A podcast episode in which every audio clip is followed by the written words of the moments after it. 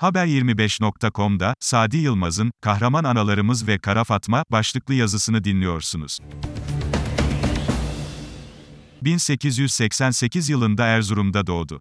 Subay olan eşi Ahmet Bey ile evlendikten sonra Balkan Savaşı'na katıldı ve askerlik hayatını eşiyle paylaştı. Birinci Dünya Savaşı'nda Kafkas cephesinde ailesinden 9-10 kadınla birlikte cephede kahramanca savaştı. Eşi binbaşı Ahmet Bey, Sarıkamış'ta şehit olunca memleketi olan Erzurum'a geri döndü. 1919 yılında Mustafa Kemal Atatürk ile bizzat görüşebilmek için Sivas'a giden Kara Fatma, Milis Müfreze Komutanı olarak Batı cephesine atandı ve burada göreve başladı.